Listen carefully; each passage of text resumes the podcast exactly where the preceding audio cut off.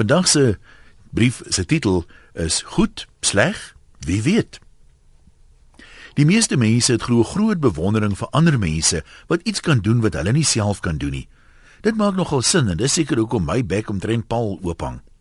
Dink vir 'n oomblik daaroor. 'n Man wat maklik 'n sak mielies agterop 'n bakkie kan gooi, sal mos nie 'n ander ou bewonder wat dit ook kan doen nie. En vir iemand wat met 'n paar potloodhale moeitelose skets kan maak, is dit normaal.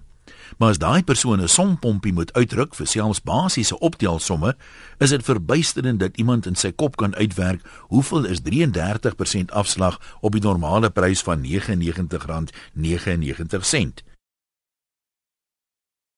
Het jy al daaraan gedink hoe baie goed ons vandag as vanselfsprekend aanvaar? Maar iewers in die verlede moes daar iemand gewees het wat dit vir die eerste keer uitgewerk het. Vat net maar kos maak byvoorbeeld.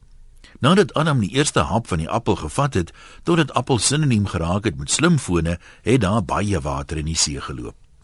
Hoe dit gebeur dat die eerste brood byvoorbeeld gebak is? Dit moes gewees het nadat vuur ontdek is maar voor die wiel uitgevind is. Wens jy nie ook jy het geweet nie? Was dan al 'n woelwater kind betrokke wat alles wat hy in die hande kon kry met 'n klip gekap het. Toe kry hy eendag koring of mielies beet en hy gaan bos, maar nader dit begin reën het, los hy sy eksperiment buite. Sy ouma is natuurlik nuuskierig oor die taaierige slap substansie wat haar slim kleinkind geskep het en sy sit dit die aand langs die vuur sodat dit kan droog word as hy nou dalk verder daarmee wou speel. Maar toe dit begin warm raak, begin dit lekker ruik en almal snuif daaraan. Baba druk dit sommer in sy mondjie en daar geniet die kind dit meer as die olywe waarmee hy groot geword het. Sê nou net. Baie uitvindsels is mos toevallig gemaak nadat iets skeef geloop het. As dit gebeur is 'n mens se eerste reaksie mos altyd iets soos: "Ooh, gats, wat nou?"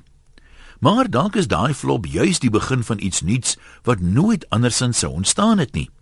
Die eerste chef wat slapchips gemaak het, het blykbaar 'n vloermoer gegooi en uit woede die aardappels toe sommer by die olie in die vuur gesmy. Hy sou nooit kon raai dat dit die begin van McDonald's sou wees nie. En wie was die eerste oestereter? Het iets dalk daar ook verkeerd geloop? Was dit dalk 'n skipbrekeling wat aas gesoek het om te probeer visvang. Maar toe hy vir dae niks gevang kry nie, toe vreet hy sommer uit desperaatheid die aas self op.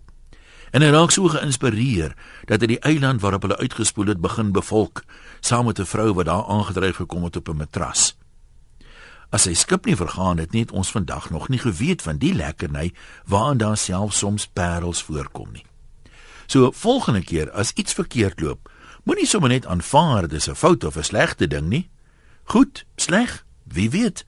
Dis dalk 'n keerpunt in jou lewe wat van jou 'n baanbreker maak. Groete van oor tot oor. Anoniem.